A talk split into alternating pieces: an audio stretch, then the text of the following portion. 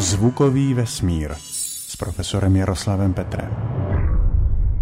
Zkratka DNA pro deoxyribonuklovou kyselinu už v našem slovníku tak zdomácněla, že si ji vlastně ani nemusíme nějak zvlášť vysvětlovat. Možná trošku vysvětlení by si zasloužily varianty tohoto názvu, které mají před tím DNA ještě nějaké další písmenko. Může to být třeba písmeno A, které pochází z angličtiny ze slova ancient, čili stará, prastará, pravěká DNA. Ta se dostala do obecnějšího povědomí na sklonku loňského roku, když Svante Pebo dostal za pokroky v téhleté disciplíně v paleogenetice Nobelovu cenu.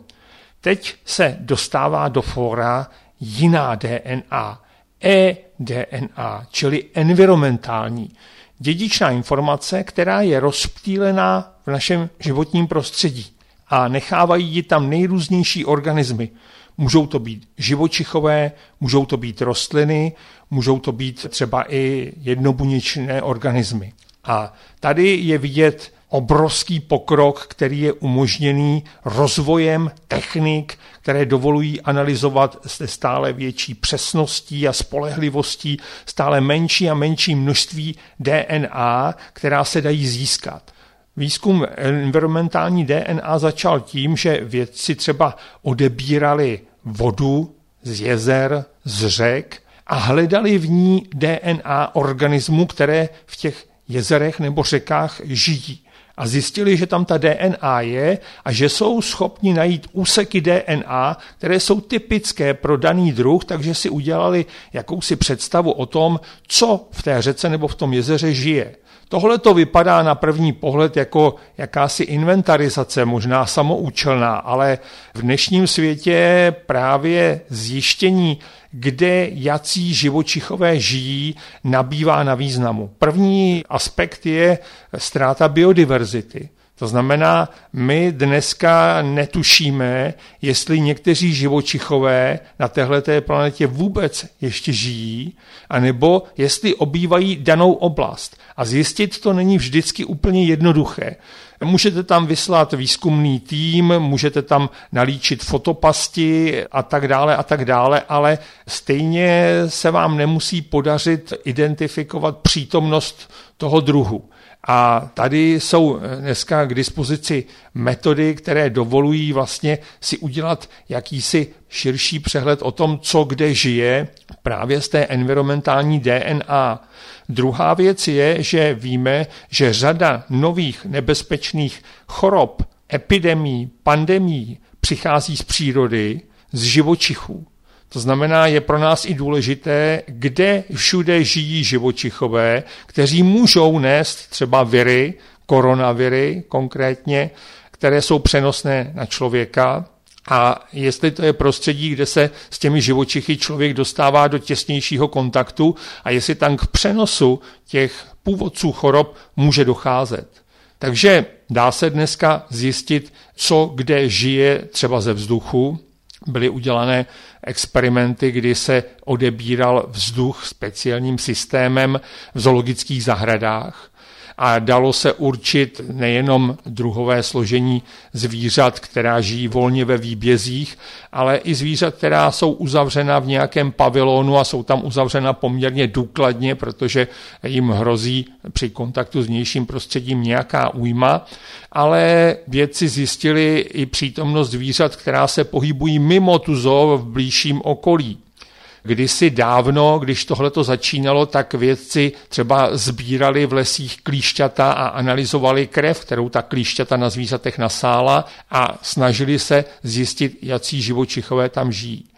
Teďka byla provedena velmi pěkná studie, kde vědci v africkém pralese Kibale v rezervaci, která je proslulá velkou druhovou pestrostí, si vzali 24 bavlněných tamponů, a každým tím tamponem po tři minuty otírali povrch listů vegetace v tom pralese. Při představě, že když to zvíře prochází lesem, tak se o to listí otírá a nechává tam něco málo svých buněk, se svojí DNA a vědci doufali, že té DNA tam bude dost na to, aby mohli zjistit, která zvířata procházela tím lesem a nechala tu svoji genetickou stopu na listech. Ukázalo se, že představa byla správná, že na těch 24 tamponech, kterými se každým tři minuty otíralo listí, se prokázala přítomnost víc než 50 druhů živočichů, od savců přes ptáky až po obojživelníky, konkrétně žáby. Takže nejenom, že se tam zjistilo, že se tam pohybuje slon, zvíře, které asi ani pozorovatel by jen tak nepřehlédl, ale byl tam třeba kaloň kladivohlavý, kočkodan čepičatý, guereza šedonohá, veverka nahobřichá. To už jsou živočichové, kteří žijí skrytě a které zastihnout, pozorovat. V pralese není vůbec jednoduché, z ptáků se podařilo zjistit přítomnost turako velkého a nebo ohroženého papouška šedého. Takže tady vidíme, že ta environmentální DNA si připsala na svůj účet zase další zářez a pokračuje tedy v tom svém rozvoji. Jedna zajímavá studie o environmentální DNA proběhla na druhém konci světa, to znamená v Arktidě, konkrétně na mořích, která jsou při pobřeží Sibiře a pobřeží Aljašky a tam vědci sledovali 13 stop, které nechali medvědi lední při tom, jak přecházeli po zamrzlém oceánu.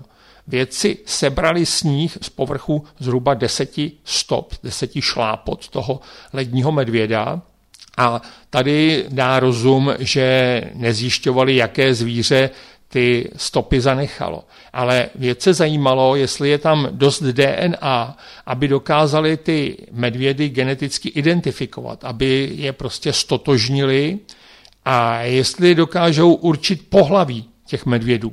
Povedlo se to u šesti z těch třinácti odebraných vzorků, takže tady ta úspěšnost není kdo ví jak vysoká, ale zase je to pokrok a zase se vědcům nabízí nástroj pro výzkum biodiverzity života volně žijících zvířat, který doteďka neměli. A když se tedy vrátíme k té staré DNA, tak eh, máme tady taky příklad významného úspěchu.